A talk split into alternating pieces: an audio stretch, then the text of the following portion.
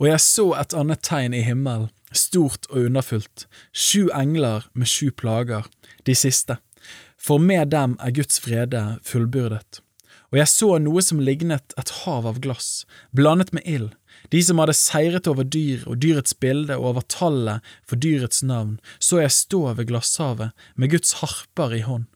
De synger Guds tjener Moses sang og lammets sang, og sier, Store og underfulle er dine gjerninger, Herre Gud, du allmektige.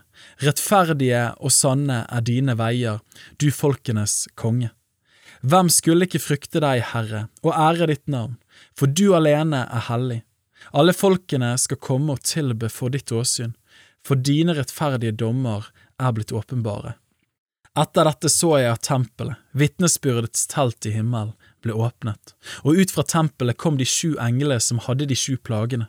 De var kledd i rent og skjeende lin og hadde gullbelter spent om brystet.